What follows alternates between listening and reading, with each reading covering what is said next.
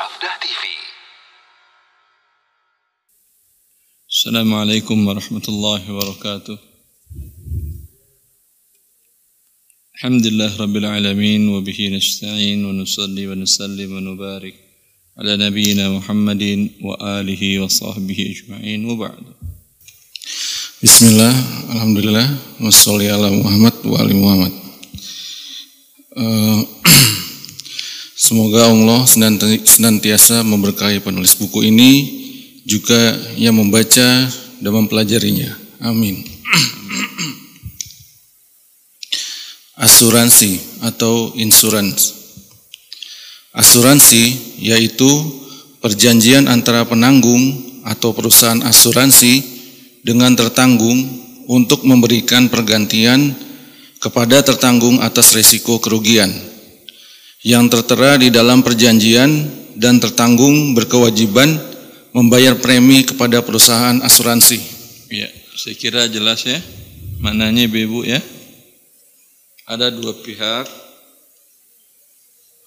Satu pemilik uang.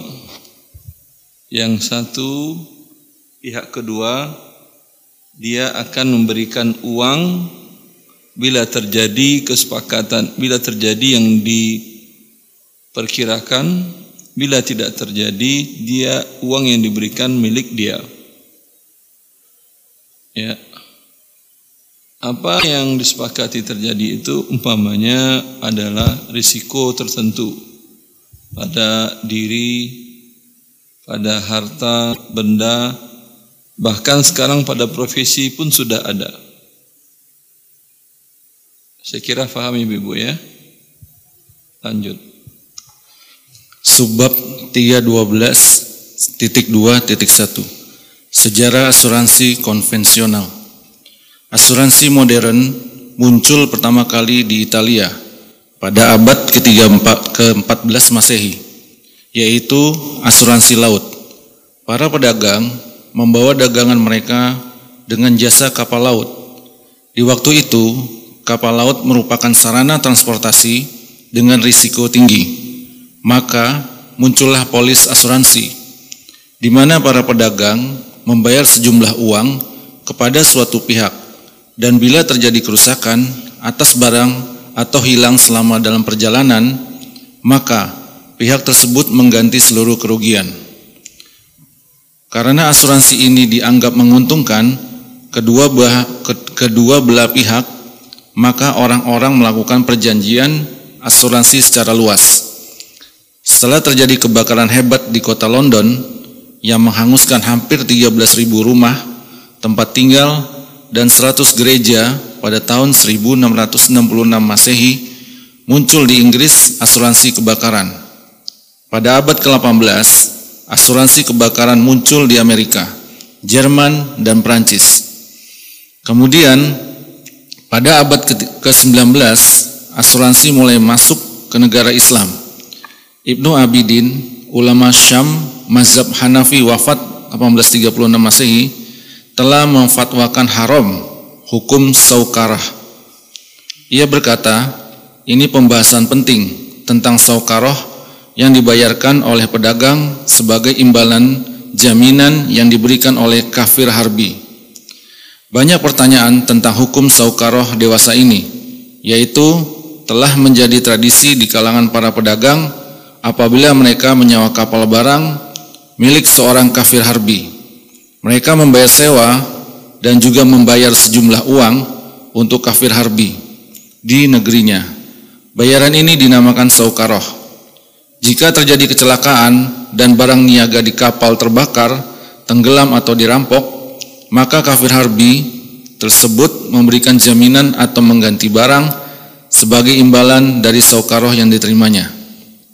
Kafir harbi tersebut mempunyai agen di negeri kita, Islam, berada di pesisir pantai. Agen tersebut menerima sokaroh dari para pedagang. Izin tinggal mereka disetujui oleh sultan. Apabila terjadi kecelakaan pada barang pedagang, maka agen tersebut memberikan ganti rugi. Menurut saya, pedagang tidak halal mengambil ganti rugi tersebut karena ini termasuk tanggung jawab atas sesuatu yang dia tidak seharusnya bertanggung jawab. Ya. Bagaimana kemudian ini suatu kasus yang kontemporer di masanya. Tidak ada di masa Nabi Wasallam pihak pedagang membayar sejumlah uang atas tanggungan risiko atau pemilik aset rumah, gedung dan lainnya hewan, kebun tidak ada memberi tidak ada memberikan sejumlah uang sebagai jaminan bila terjadi musibah atau risiko pada hartanya. Maka ketika itu muncul karena Turki Utsmani di Istanbul ya itu khilafah Turki Utsmani itu dekat dengan Italia dengan Eropa Timur kan ya? Dekat dengan Eropa Timur. Maka mereka ada di Italia di waktu itu transaksi di mana pedagang dari dari negara muslim berdagang ke negara kafir di Italia kemudian bawa pulang barang dagangannya ke negara muslim itu Selain si pedagang membayar sewa kapal, kapal kargonya, dia juga bayar sejumlah uang. Ya, ini sewanya. Terus kata si pemilik kapal, tidak cukup sewa saja, tapi ada saukaroh. Mereka namakan dengan saukaroh. Apa itu saukaroh? Itu uang yang anda bayarkan, wahai pedagang, kepada pihak ketiga. Ya. Kenapa saya bayar uang ke dia? Kalau terjadi risiko pada kapal, kapal terbakar dan barang-barangmu habis atau tenggelam habis, itu nanti barangmu diganti oleh pihak yang menerima uang tadi. Ya, diganti oleh dia. Itu yang dinamakan dengan saukaroh. Maka ketika ditanyakan kepada Ibnu Abidin, dia mufti di masa khilafah Turki Utsmani. Madhab Hanafi. Ya biasa aja. Dari masa ke masa para uh, mufti itu bermadhab mereka. Tergantung penguasanya madhabnya apa yang besar di negara itu. Kalau Indonesia, kerajaan-kerajaan Indonesia mufti madhab syafi'i. Setiap kerajaan-kerajaan kesultanan Indonesia yang ada di Nusantara maksud saya dahulunya itu para mufti mereka, para mufti kerajaan adalah ulama madhab syafi'i. Kalau kerajaan Saudi Arabia sekarang mufti mereka madhab hambali. Ya. Maka Ibnu Abidin mengatakan ini dalam kitabnya Hasya Ibnu Abidin Raddul Muhtar beliau mengatakan hada ilzamu ma lam yaltazim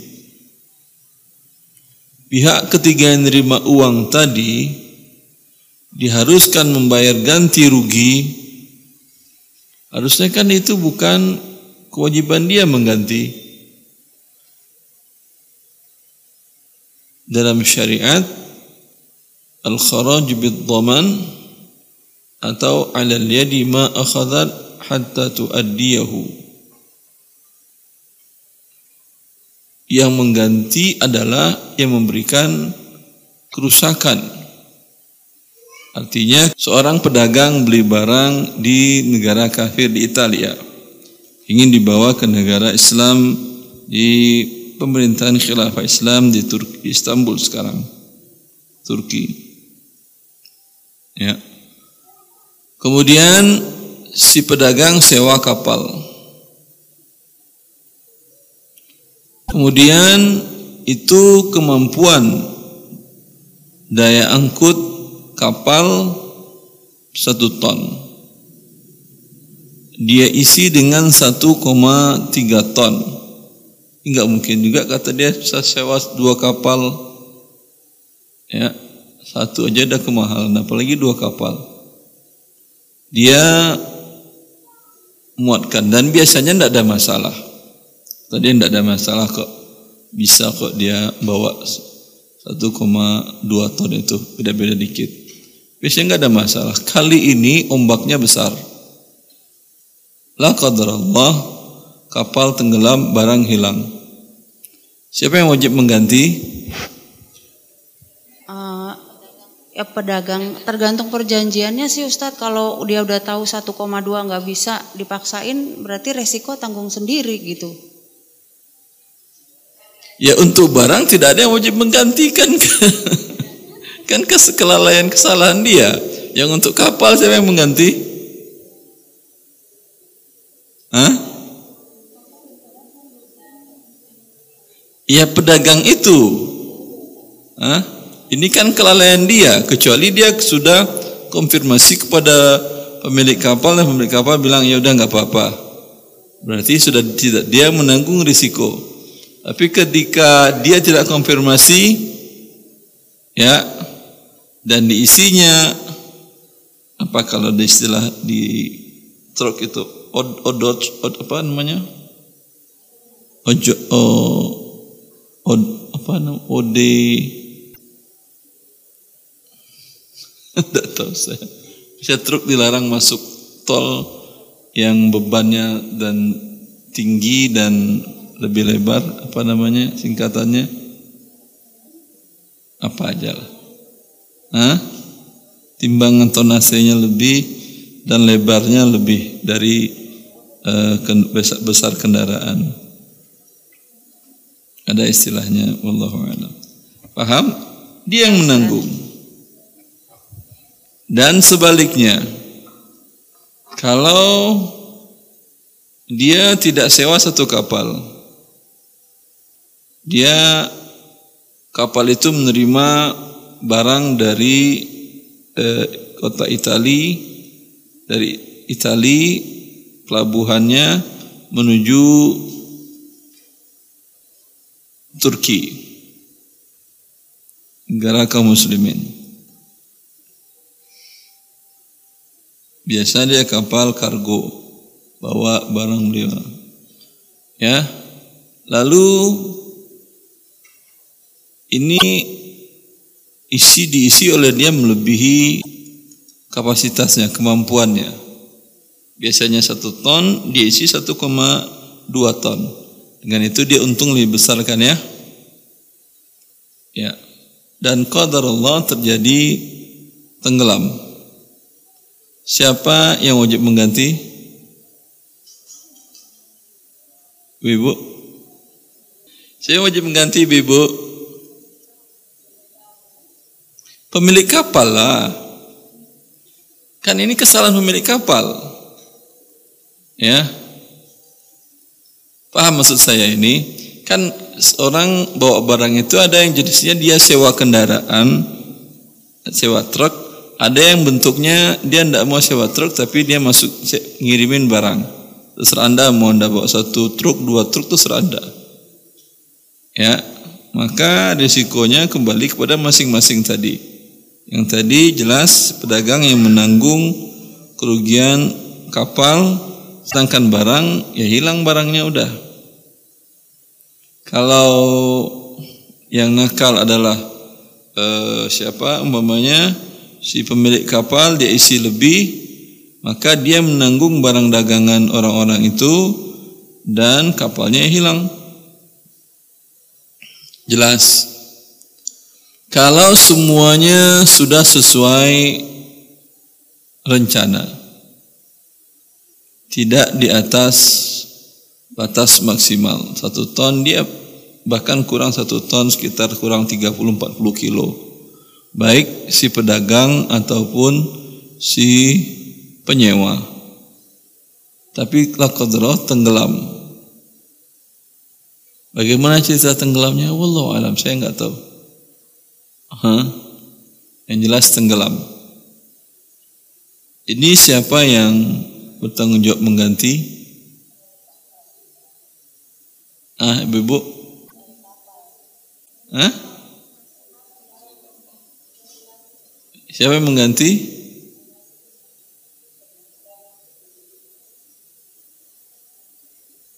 negara yang mengganti pemilik kapal tidak ada yang wajib mengganti. Kan nggak ada kelalaian. Kecuali kelalaiannya adalah si nakoda kapalnya. Nakoda kapalnya yang membawa membawa kendaraan uh, kapalnya umpamanya pengalamannya cetek. Jalan di laut itu sama kayak jalan di darat. Ada yang tidak bisa dilalui, ada yang bisa dilalui. Jangan pikir laut semuanya sama, enggak. Karena saya pernah ikut ayah, ayah saya pelaut, nakoda kapal, bawa barang dari Pekanbaru, triplek, kirim ke Jakarta. Kan ada pabrik triplek banyak di Pekanbaru, ada tiga atau empat pabrik triplek bawa ke Jakarta kemudian dari Jakarta ke Tanjung Pandan Bangka Belitung ambil kaulin. Dibawa ke Semarang. Dari Semarang ambil beras dibawa ke Pekanbaru. Ya itu punya perusahaan orang non muslim di Pekanbaru. Seperti itu. Itu ayah itu karena pengalaman sudah lama beliau dari umur 18 tahun beliau udah di laut. Itu ada jalan di laut itu sama kayak di darat kata dia. Ada yang bisa dilalui dan tidak. Ada yang kalau anda lalui, anda paksakan kapal bisa kandas. Ya. Dan pernah sekali kapal saya pas lagi di situ lagi naik itu juga kandas. Karena pas kondisi surut kapal tetap jalan sehingga kandas gak bisa bergerak. Nunggu pasang besar, nunggu tengah malam dulu. Pasang tengah malam kan ya sampai dia bisa bergerak lagi. Kan lumayan nunggu 12 jam. Ya. Seperti itu. Andai nakhodanya yang pengalamannya cetek. Dulu mana ada sertifikasi-sertifikasi kan ya pengalamannya belum terlalu pengalaman, maka dia berani jadi nakhoda, maka dia yang bertanggung jawab atas kesalahan tersebut semuanya. Anda umpamanya itu jalan banyak batu karangnya, jalan itu alur di laut itu yang alur sini daerah sini itu banyak batu karangnya. Kalau dulu ayah itu ada petanya, rinci petanya, ada kedalamannya segala macamnya. Di sungai-sungai Indonesia pun ada peta masing-masing. Di untuk di Pulau Riau, di Riau ada peta Sungai Siak itu ada ini 7 meter, ini 12 meter, 8 meter. Sisi-sisi itu jelas. Ada petanya. Kalau sekarang mungkin menggunakan radar. Ya, an anggap seperti tadi. Dia pengalaman cetak nggak bisa nggak nggak ngerti ya Kemudian dia bawa saja. Kemudian kapal nabrak karang, batu karang, pecah. Ya, pecah, tenggelam. Ini yang menangguk adalah si nakhoda. Seperti itu. Nah, sekarang pihak ketiga apa hubungannya dengan kasus itu? Paham? Pihak yang menerima saukarah, yang menerima uang, apa hubungannya dengan kasus ini? Apakah ada kelalaiannya? Hah? Tidak. Tidak ada kelalaiannya kan? Tidak ada sama sekali. Berarti uang yang dibayar itu apain itu? Itu kan sama dengannya sama dengan Anda tidak ada bagian dari yang berlayar tadi. Anda bukan pedagang, Anda bukan pemilik kapal, bukan nakhoda. Lalu Anda katakan kepada orang, bukan Anda lah, ada orang si A mengatakan kepada si B. Kata si A, itu kapal kalau tenggelam kamu bayar ke saya 100 dinar ya. Kata si B, baik. Tapi kalau tidak tenggelam kau bayar kepada saya 100, 130 dinar. Setuju? Setuju. Deal, deal. Ya. Ternyata tidak tenggelam. Siapa yang dapat uang? Si B sebanyak 130 dinar. Begitu kan ya? Mereka dua berdua itu ngapain itu berarti? Judi. Hah? Judi sama kalau klub bola A dengan B main, lalu ada B dengan C dengan D. Itu nggak ada dia nggak main, nggak non, tidak pelatih di sana juga tidak punya yang punya klub dan segala macam tidak ada hubungannya dia. Tapi C dengan D bila kalau menang klub B, ah, kata C kepada D kau bayar kepada saya 10 juta. Kalau kalah, ah, saya bayar kepadamu 12 juta. Saya yakin malam ini klub saya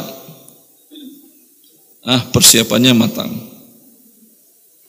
Yang klub bukan klub saya juga, klub yang saya unggulkan. Dia nggak ada hubungannya dengan itu. Berjudi atau tidak namanya? Berjudi. Jelas? Judinya antara C dengan D. Kalau tadi antara si pedagang dengan agen saukaroh tadi. Jelas sudah? Jelas sudah berjudi? Alhamdulillah. Tapi banyak juga orang nggak setuju dibilang judi dia. Terserah dia lah. Ini invest orang Orang judi di bursa juga dibilang ini investasi mas bukan judi. Kamu nggak belajar ekonomi sih ya. Ekonomi, ekonomi judi. kami belajar ekonomimu yang judi itu kami tidak lakukan, kami hindari. Kami tahu bahwa itu judi. Nah, ya sehingga para para apa namanya seperti dalam transaksi opsi yang ada di bursa. Transaksi opsi itu bentuknya seseorang memperkirakan berdasarkan apa eh, penelitian dia, analisa dia, saham perusahaan ini akan naik tinggi. Ya, sekarang harganya masih normal 100 ribu per lembar. Maka dia beli ke pemilik ke broker sekuritas ke pasar sekuritas dia beli. Saya beli hak untuk menjualkan. Dia bukan beli sahamnya hak untuk menjualkan. Dari saham perusahaan A tadi satu lembar sekarang berapa 100 ribu rupiah dia beli umpamanya 10 lembar berapa 10 lembar. Dia beli umpama 10 miliar. Hah? Berapa lembar berarti itu?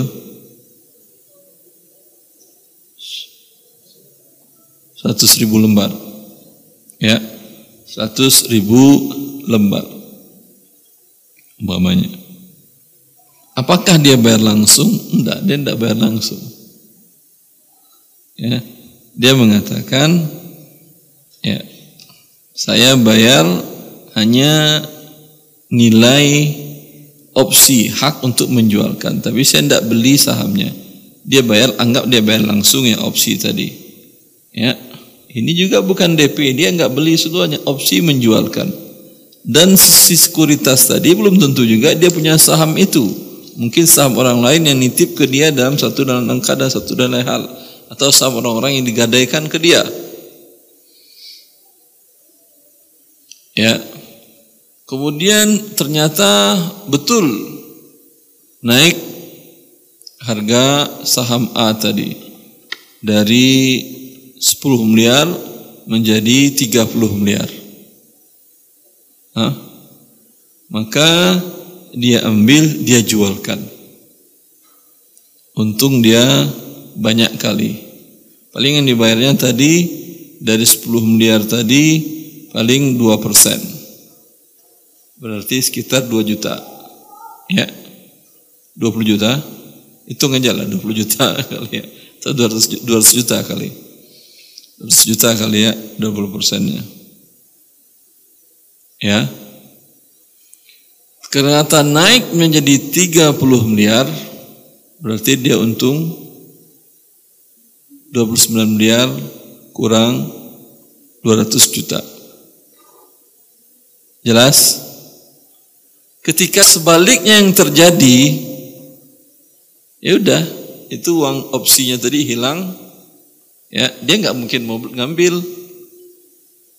Paham dia nggak mungkin ngambil. Ngapain saya ngambil? Uang opsi hilang. Ini sama nggak dengan judi? Iya judi. Ini sepakat para ulama kaum muslimin di dunia mengatakan opsi ini judi. Dan ini salah satu bentuk cara transaksi yang ada di uh, di pasar saham. Bursa saham, maka bursa sama dengan tempat perjudian. Kalau ini asuransi. Bagaimana kalau asuransi, syariah? Apakah namanya perjudian syariah Ustaz? Baik, nanti kita lihat. Sabar dulu.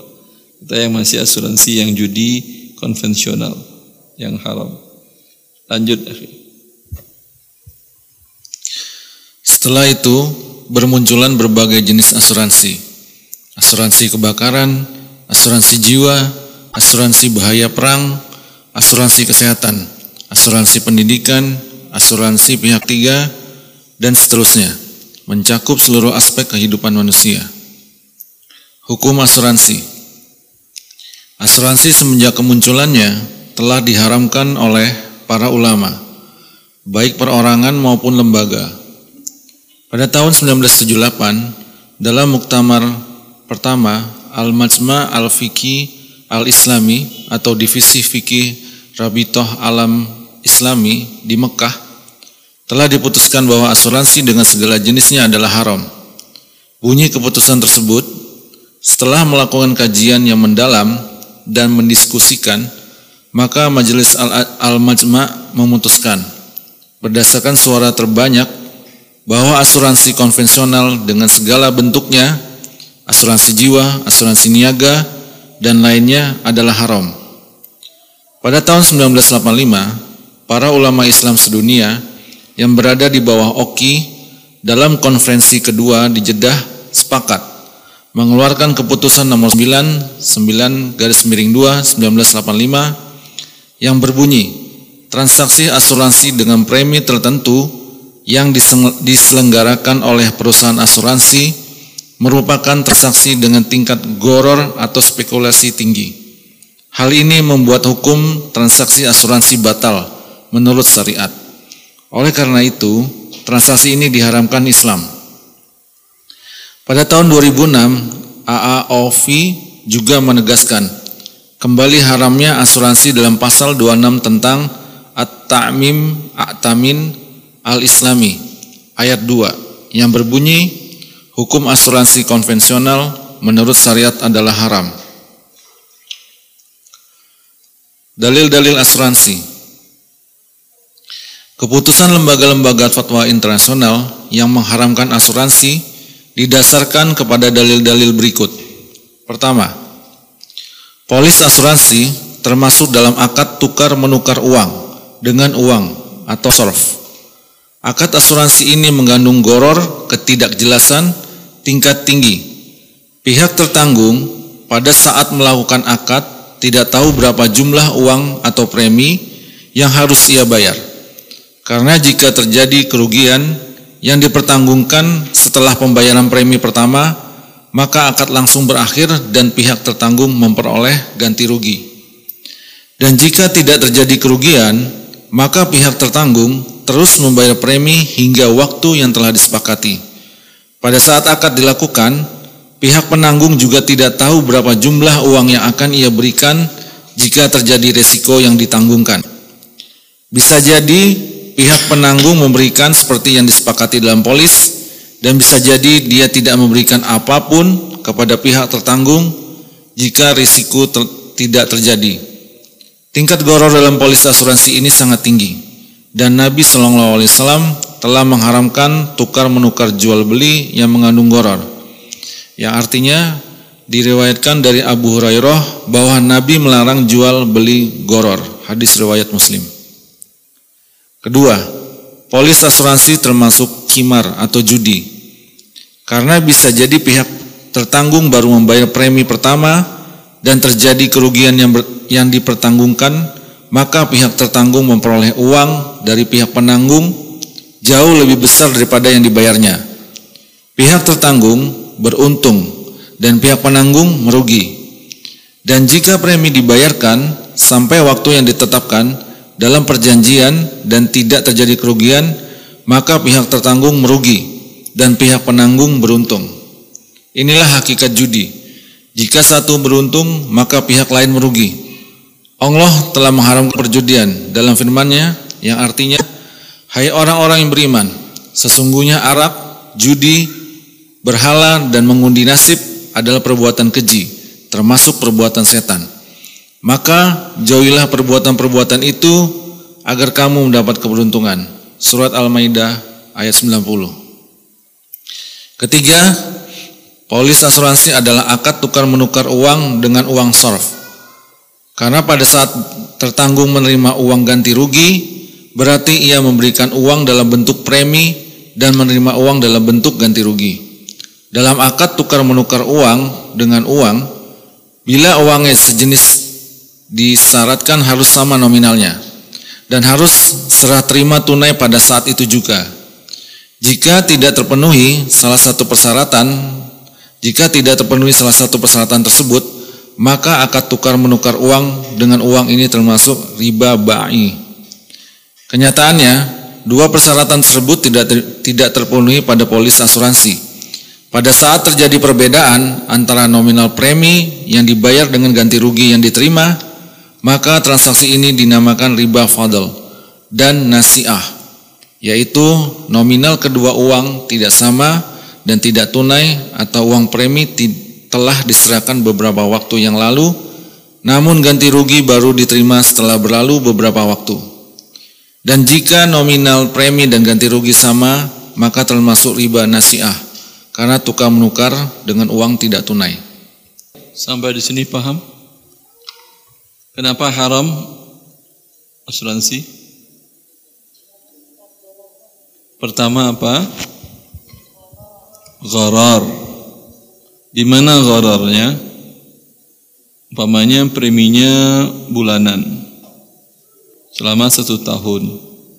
Pada bulan pertama baru bayar seper dua belas 1 per 12 atau 8 persen ya 8 persen ya 12 8 persen ya. Dianggap 8 persen. Baru bayar 8 persen terjadi risiko. Selesai kan ya? Selesai atau masih lanjut? Selesai dia dapat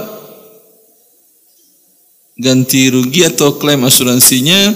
Tadi yang dibayar umpamanya 1 juta ini dapat mungkin 100 juta. Jelas? Berarti tidak jelas. Bisa jadi selesai satu tahun dia bayar 12 juta, tidak ada risiko terjadi. Uang menjadi milik si uh, pihak PT asuransinya. Berarti kan nggak jelas. Apakah satu juta, apakah dua juta, apakah tiga juta, apakah 12 juta dan hilang semuanya. Berarti mengandung unsur gharar dan gharar diharamkan. Yang kedua kenapa diharamkan? Khimar atau judi. Kalau ini sudah jelas tadi kan ya? Bisa diulang ibu-ibu di mana judinya?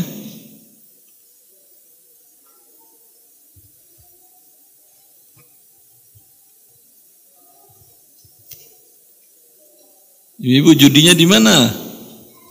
Ketidakpastian kondisi yang ketika kita baru membayar misalnya baru membayar satu kali lalu terjadi sesuatu yang menanggung tuh harus membayar secara keseluruhan padahal kita membayar baru satu kali gitu. Jadi resiko ditanggung sama yang uh, memberikan asuransi. Jadi uh, gorornya tingkat tinggi seperti itu Ustaz yang namanya judi bila satu pihak untung satu pihak lagi rugi begitu kan ya?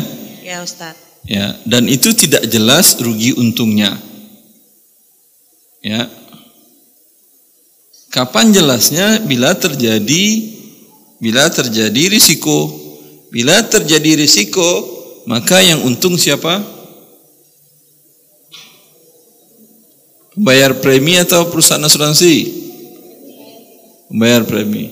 Bila tidak terjadi risiko, siapa yang untung? Perusahaan asuransi. Pihak asuransi. Ya, kapan terjadinya tidak jelas. Itu namanya judi. Ya, masya Allah, betul sekali.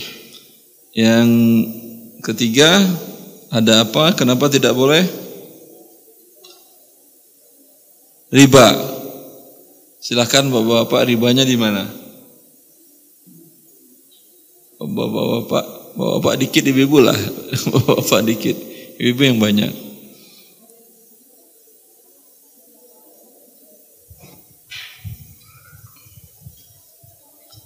Silahkan ibu-ibu.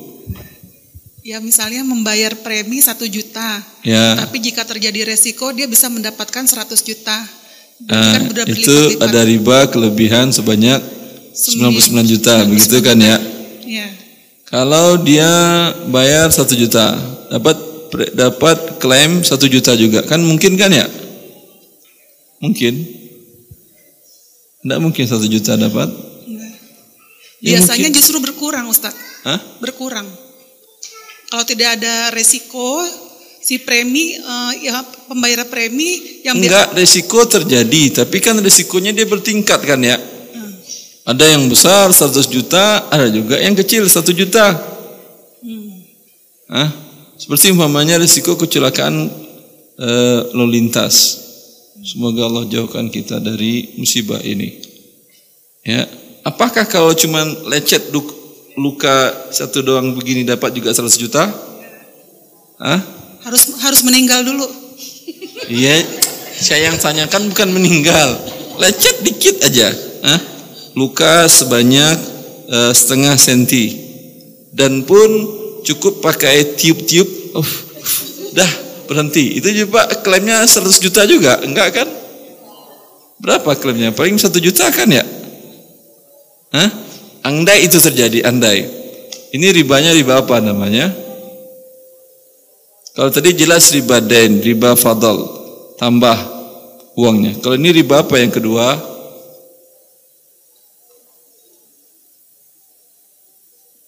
Itu yang riba jahiliyah. Bayar se, bayar sekian, pinjamkan kasih dia uang sekian, nanti bayar berlebih. Itu ya riba. Ya bayar premi 1 juta, nanti dibayar oleh asuransi 100 juta. Tapi tidak pasti dapat. Ya, tapi mungkin terjadi riba nantinya dan ketika terjadi terjadi riba. Silahkan. Kalau seperti kasus tadi itu riba juga atau bukan? Dia bayar premi baru 2 juta, dapat klaim asuransi 2 juta. Termasuk riba karena di awalnya kan sudah ada perjanjian akadnya. Apabila meninggal dapat sekian, kalau eh, apa eh, luka ringan sekian, berarti kan dia sudah mengetahui akad di awalnya. Kalau itu ada riba. Iya, akad di awalnya kan bila luka ringan dapat 2 juta seperti tadi. Itu ringan eh, ringan luka ringan banget dapat 2 juta. Kan tadi gores cuma 1 senti dan berdarah ditiup-tiup 5 menit hasil selesai urusannya alhamdulillah. Hah? Ribanya di mana? Riba apa namanya? Fadl tidak, fadl itu berlebih. Jadi kalau tadi ya bayar 2 juta, bayar 1 juta dapat 100 juta. Sekarang baru bayar 1 juta atau 2 juta dapat juga 1 juta, 2 juta. Sama dia dapat. Ada riba juga kah? Nah, ah ya, riba nasi ah. Kalau tukar uang dengan uang kan harus tunai apa tidak ibu-ibu? Ya. Kalau umpamanya ada tukar uang, nih tukar 100 ribu dong ke tetangga atau ke warung sebelah. Kata warung sebelah, eh, yang ada cuma 30 ri- eh, no, 70 ribu dulu ibu. Yang 30 ribunya biasanya nanti kalau udah ada siangan dikit saya kasih ke ibu. Ya udah nggak apa-apa. Saya ambil 70 dulu ya. Ya. Ini riba apa tidak? Hah? Iya riba tidak tunai karena Rasulullah mensyaratkan menukar emas dengan emas, perak dengan perak harus sama sama ukurannya dan tunai. Kalau emas dan perak ukurannya adalah berat. Disamakan dengan emas dan perak karena fungsinya di masa dahulu di masa Nabi adalah sebagai uang, disamakan dengan itu uang kartal sekarang. Maka menukar rupiah dengan rupiah harus sama dan harus tunai. Tidak boleh emas kalau emas tadi tidak boleh. Emas yang lama 10 gram terima sekarang. Emas yang barunya terima nanti sore. Itu riba. Atau nanti siang. Jelas begitu juga menukar rupiah. Jelas ibu nah iya. Berarti mengandung riba. Ini yang paling penting kita pahami dalam kasus asuransi ini sehingga kita mengerti syariat Allah. Oh ini riba. Oh ini dia mengandung judi, mengandung spekulasi. Tiga-tiganya diharamkan. Satu aja dari tiga ini sudah haram. Kalau tiga jadi haram apa namanya? Haram jadah. haram jedan kali ya. Seperti itu. Jelas? Jangan nanti asuransi saya nggak mau. Kenapa? Haram kata Ustadz kami. Dari buku Sarwandi ada kok. Iya kenapa haram kata temannya. Pusing sendiri dia. Oh, kamu baca aja lah. Masa kamu selalu saya sampaikan rinci. Yang pen yang penting Anda memberikan syariat Allah itu dengan jelas ke orang sehingga dia mau menerima. Ya. Lanjut. Pengecualian. Mazma Al-Fiqih Al-Islami atau divisi Fikih Oki dalam muktamarnya ke-16 di Emirat Arab tahun 2005 dengan keputusan nomor 1497 garis miring 16 membolehkan asuransi kesehatan bila diterbitkan langsung oleh penyelenggara pengobatan seperti rumah sakit, hukum asuransi kesehatan. Jika asuransi kesehatan diterbitkan langsung oleh badan penyelenggara pengobatan, maka hukumnya dibolehkan. Maka hukumnya dibolehkan syariat. Dengan syarat teknisnya, teknisnya harus diperhatikan agar goror dapat ditekan seminimal, seminimal mungkin karena hukum goror yang sedikit dimaafkan dan akad goror yang dibutuhkan orang banyak dan sangat mendesak. Seperti asuransi kesehatan dalam rangka menyelamatkan jiwa, akal dan keturunan dan tiga hal ini termasuk hal yang sangat penting dijaga syariat Islam. Maka hukum gorornya dimaafkan. Di antara hal teknis yang di, yang penting diperhatikan, a. Membuat perjanjian yang sangat rinci dan jelas tentang hak dan kewajiban kedua belah pihak. B. Memeriksa kondisi kesehatan pihak tertanggung terlebih dahulu sehingga bila diperkirakan jenis pengobatan dan biaya yang akan ditanggung oleh asuransi. C. Tagihan pembayaran yang diklaim oleh pihak rumah sakit harus sesuai dengan tindakan pengobatan yang telah diberikan kepada pihak tertanggung bukan berdasarkan reka, rekayasa sebagaimana yang dilakukan oleh asuransi komersial. Ya. Kenapa ini jadi halal sekarang? Tadi barusan fatwanya haram. Tadi haramnya kenapa? Ada gharar, ada judi, ada riba. Dalam kasus yang disampaikan tadi, ada ghararnya lagi, Kan kajian kita bab gharar. Masih ada ghararnya ibu?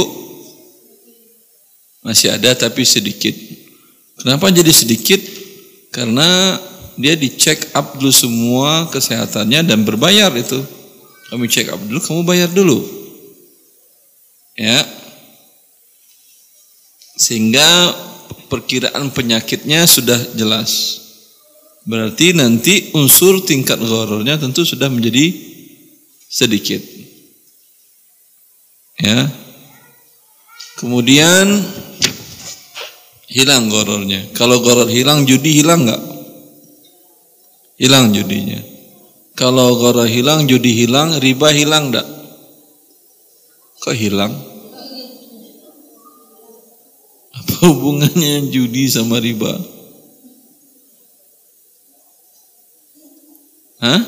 Bagaimana? Ribanya kenapa? Hilangnya gimana hilangnya? Siapa yang bisa? Masya Allah. Ada yang bisa saya doakan. Semoga menjadi penghuni surga. Dengan syarat dia harus doakan juga saya agar saya masuk surga juga. Nah, ada yang bisa? Mungkin karena kita membayar dulu dengan jumlah tertentu, tapi pada kasus tertentu kita diberikan yang lebih dari pelayanan yang harusnya kita bayar, Ustadz. Jadi masih ada riba. Uh, tapi kan dengan di sini di catatan tadi bahwa sebelum melakukan asuransi itu dilakukan pemeriksaan dan lain-lain, jadi uh, ribanya kecil. Kecil gitu. Riba Sudah kecil tahu boleh? resikonya gitu. Riba Uh, kecil boleh? Walau alam Ustadz. Tidak boleh riba kecil tidak boleh. Ibu. Anda didenda per hari 0,001 ru- per besar angsuran per bulan tadi per harinya. Kecil sekali itu. 0,001 satu per 10 ribu kan ya? Ya kalau pembayaran 10 ribu satu perak berarti anda bayar. Kalau angsurannya sejuta satu per 10 ribunya berapa? Seribu berarti kan ya? Ya kan ya? Seribu receh, susah nyurinya sekarang. Kan kecil, tapi tetap haram. Hah. Tadi yang dibolehkan oleh uh, Oki tadi yang menyelenggarakan yang menyelenggarakan asuransinya pihak rumah sakit, bukan pihak ketiga asuransi lembaga keuangan, tidak rumah sakit. Kalau rumah sakit yang menyelenggarakan, berarti yang diberikan rumah sakit uangkah atau pelayanan kesehatan? Nah, pelayanan kesehatan ditukar dengan uang, adakah riba? Tidak. Yang riba itu uang ditukar uang berlebih dan tidak tunai. Kalau uang ditukar dengan jasa, ya jasa kan tidak termasuk komoditas riba. Boleh tidak tunai, boleh berlebih, tidak ada masalah. Bila kedua pihak bersepakat. Paham? Ribanya di mana hilangnya? Ya. Maka ini bisa Anda lakukan, Anda punya bengkel umpamanya, ya, tapi saya khawatir tidak tahu saya perizinan realnya. Khawatir ini pihak otoritas jasa keuangan atau OJK ini menganggapnya ilegal karena ini jasa keuangan. Ya. Tapi kalau aman secara OJK ya atau Anda di rumah aja kecil-kecilan tidak terlalu besar itu nggak bakal OJK datang juga. ya, Anda punya bengkel lalu ada mamanya bapak-bapak bilang, "Pak bengkel, ya kenapa? Ini sekarang saya perbaikan mo- motor saya 2 juta ya." Iya, Pak. Ini diganti, ini diganti, ini diganti, Pak. Dan belum lagi jasanya. Kan kalau gitu habis gaji sebulan saya, Pak. Ah, iya. Lalu tukang bengkelnya ngusulin, udah ke depannya begini aja. Bapak bayar ke saya ya 5 ribu atau 10 ribu kita sepakati per hari ya nanti bila ada kerusakan-kerusakan motor bapak tapi saya cek dulu motor bapak dulu ya kondisinya seperti apa ya nanti saya sampaikan kondisi bapak motornya seperti ini. Ya kalau sudah akut kondisinya tentu tidak bisa 5 ribu. Risikonya besar. Risikonya besar gorornya tentu besar. Anggap umpamanya ini baru saya beli dari dealer. Ah ya udah. Kalau baru dari dealer eh gini aja pak. Apa nggak ada asuransi? Enggak saya tahu haram. Nggak mau saya waktu itu di apa diminta oleh dealer untuk asuransi saya enggak mau. Alhamdulillah ya udah bapak bayar 5000 per bulan nanti apa pun kerusakan ya di lain di luar servis berkala Apa pun kerusakan di luar servis berkala itu saya Bapak tak perlu bayar. Tapi bila tidak ada rusak, uang Bapak hilang ya. Boleh ini? Boleh apa tidak? Boleh. Yang tadi, yang diberikannya kan jasa sehingga tidak ada tidak ada riba. Gharar dan judinya masih ada. Gharar yang kecil dia masih ada, tapi kalau kecil dimaafkan atau tidak? Dimaafkan kaidah gharar kan begitu kan ya? Gharar yang kecil dimaafkan. Paham? Alhamdulillah.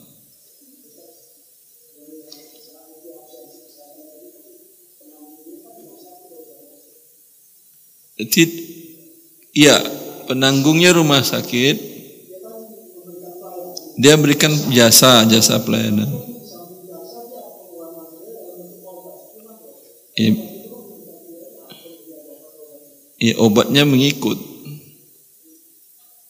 Anda naik pesawat dikasih makan di pesawat. Itu beli makan atau ngikut makannya? Include kan ya? Atau kecuali Anda naik pesawat yang tidak pakai makan, Anda beli makan di atas. Itu ia beli pisah makan uh, os, apa namanya? sewa jasa pisah. Ya, wallahu. Memperhatikan keputusan di atas dapat dipahami bahwa lembaga fikih internasional ini memperbolehkan asuransi kesehatan atas dasar bahwa goror dalam beberapa kondisi sebagaimana telah dijelaskan sebelumnya dibolehkan. Di antaranya bila tingkat gorornya rendah dan bila akad tersebut dianggap mendesak. Dan dua faktor ini terdapat pada asuransi kesehatan yang diterbitkan oleh pihak rumah sakit. Ya. Di kita ada yang seperti ini. Ada klinik yang membuat asuransi seperti ini ada. Kayaknya belum ada. Tidak ada ya. Bengkel ada juga. Ada. Subhanallah. Kita bayar per bulan ke dia gitu? Sekali bayar setahun dua tahun. Untuk kerusakan ya.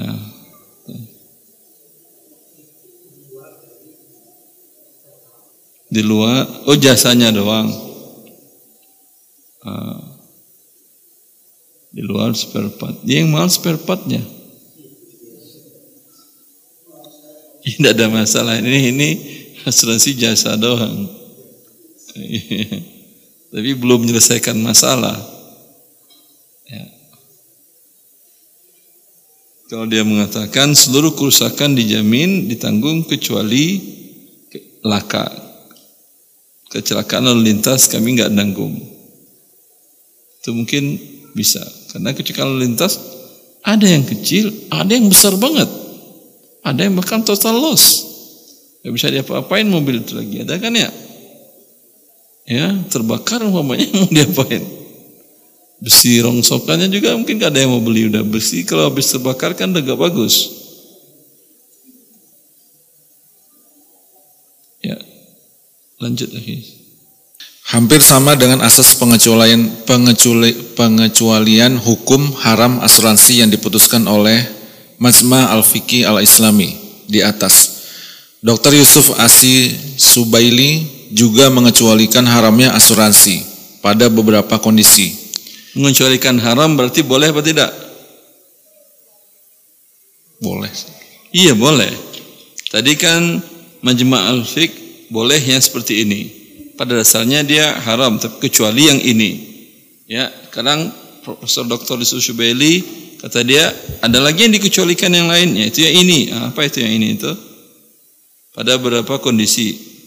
Terus? Karena menurut beliau asuransi komersial diharamkan disebabkan mengandung goror.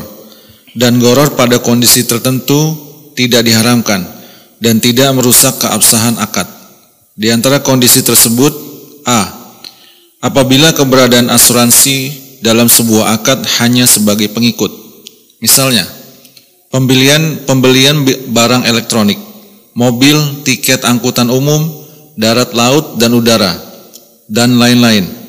yang tercantum dalam akad pembelian kewajiban membayar asuransi.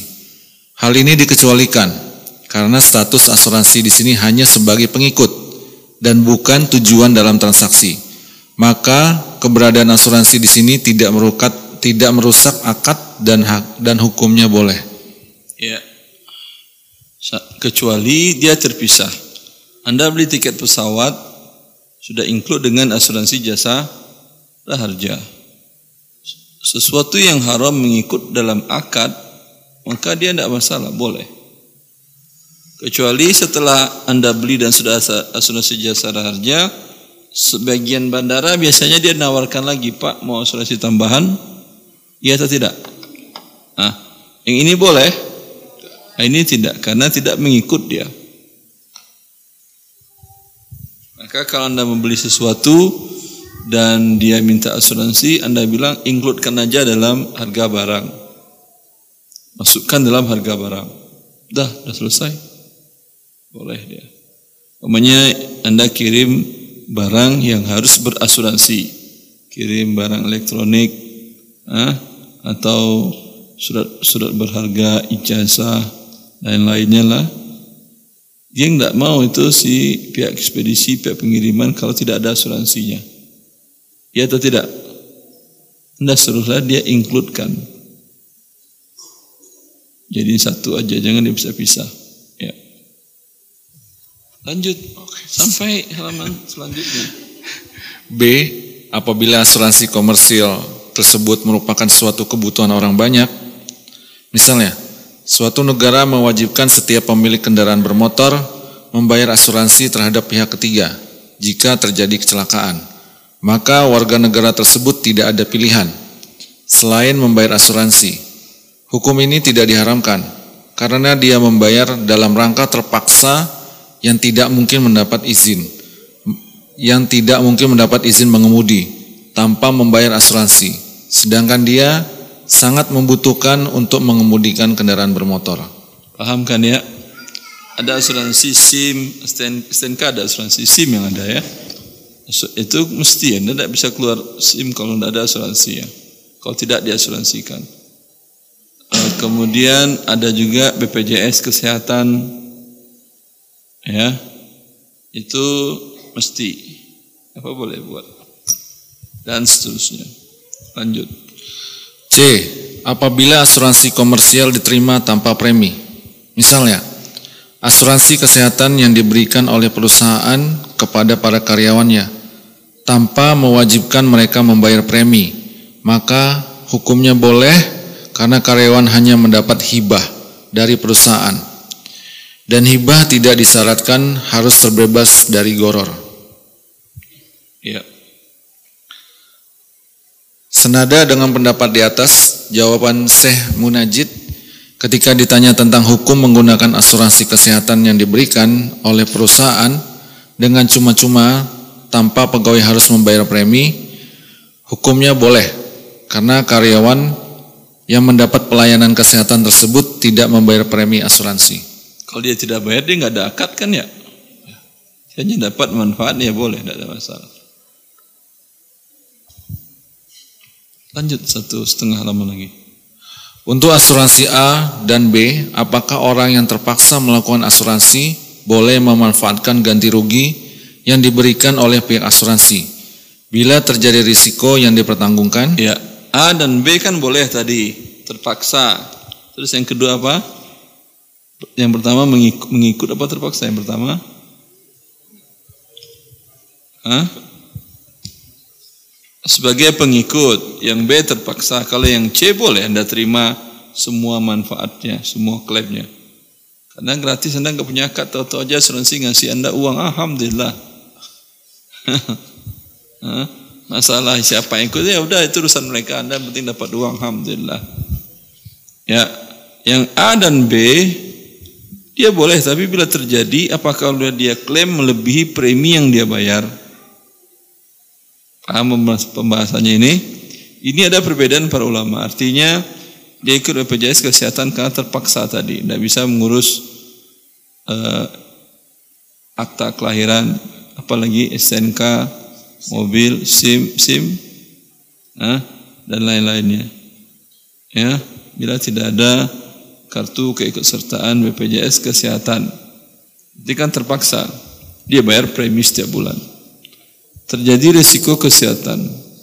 Apakah dan dia baru bayar dari awal ikut sampai terjadi risiko sekitar 5 juta.